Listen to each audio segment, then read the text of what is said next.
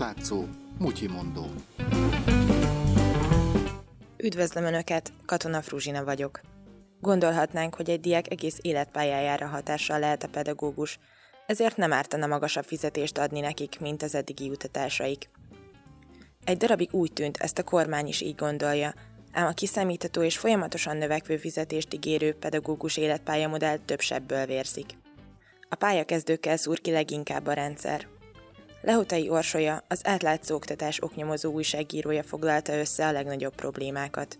Pedagógusok végeznek az egyetemen, és azt követően két évig minimum gyakornoki programban kell részt venniük. Ha a pedagógus korábban már szerzett szakmai tapasztalatot a képzése alatt, azt a rendszer ugyan beszámítja, de még így is nehéz átlendülni ezen a szakaszon. Egy gyakornoki státuszban dolgozó pedagógus munkaidejét 20 órára korlátozza az életpályamodell. Ehhez megbízási szerződést iratnak alá velük.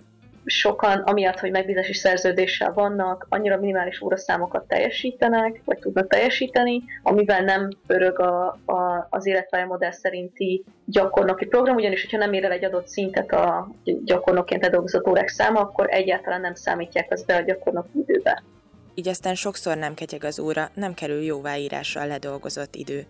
Még akkor sem, ha a gyakorlatban mégis többet dolgoznak az előírtnál, hisz az órákra fel kell készülni, a dolgozatokat pedig ki kell javítani.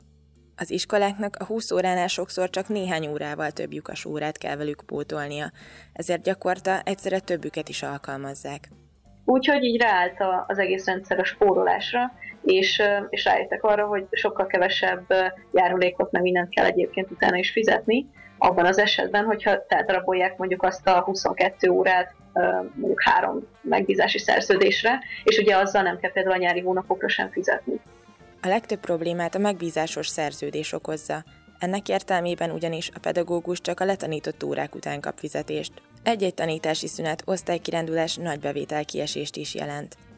A fizetés pedig eleve nem nagy összeg, bruttó maximum 165 ezer forint alapdiploma esetén. De ebben is van turpisság. Amennyit most a tanárok a kormányzati fizetésemeléssel keresnek, az annyi, amennyit 10 évvel ezelőtt alapvetően az infláció figyelmvételben nem keresnek többet. Ez nyilván mondjuk itt a pedagógus életpályamodell elejére igaz. Többen is küzdenek, hogy fent tudják magukat tartani. Az átlátszó oktatás újságírójának volt olyan, aki azt nyilatkozta, alig keres 60 ezer forintot egy hónapban. Volt olyan pedagógus, aki arról panaszkodott, hogy magyar történelem szakos tanárként dolgozik, és, és, és ebből 60 ezer forintból pedig mondta, hogy hát nem tudok megélni. És, és például a nyár időszak alatt, ő például egy virágboltban dolgozott azért, hogy fent tudja magát tartani szeptemberig, amikor kiderül, hogy, hogy kapott-e végül is újra munkát, vagy sem. Ha mindezen akadályok után sikerült teljesíteni a kiszabott két évet, akkor jelentkezett úgynevezett pedagógus egynek, azaz teljes jogú pedagógusnak.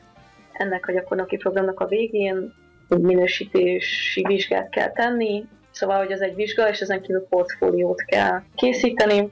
Lehotai Orsolyát, az átlátszó oktatás oknyomozó újságíróját hallották. Mai Mutyimondót Katona Fruzsina készítette.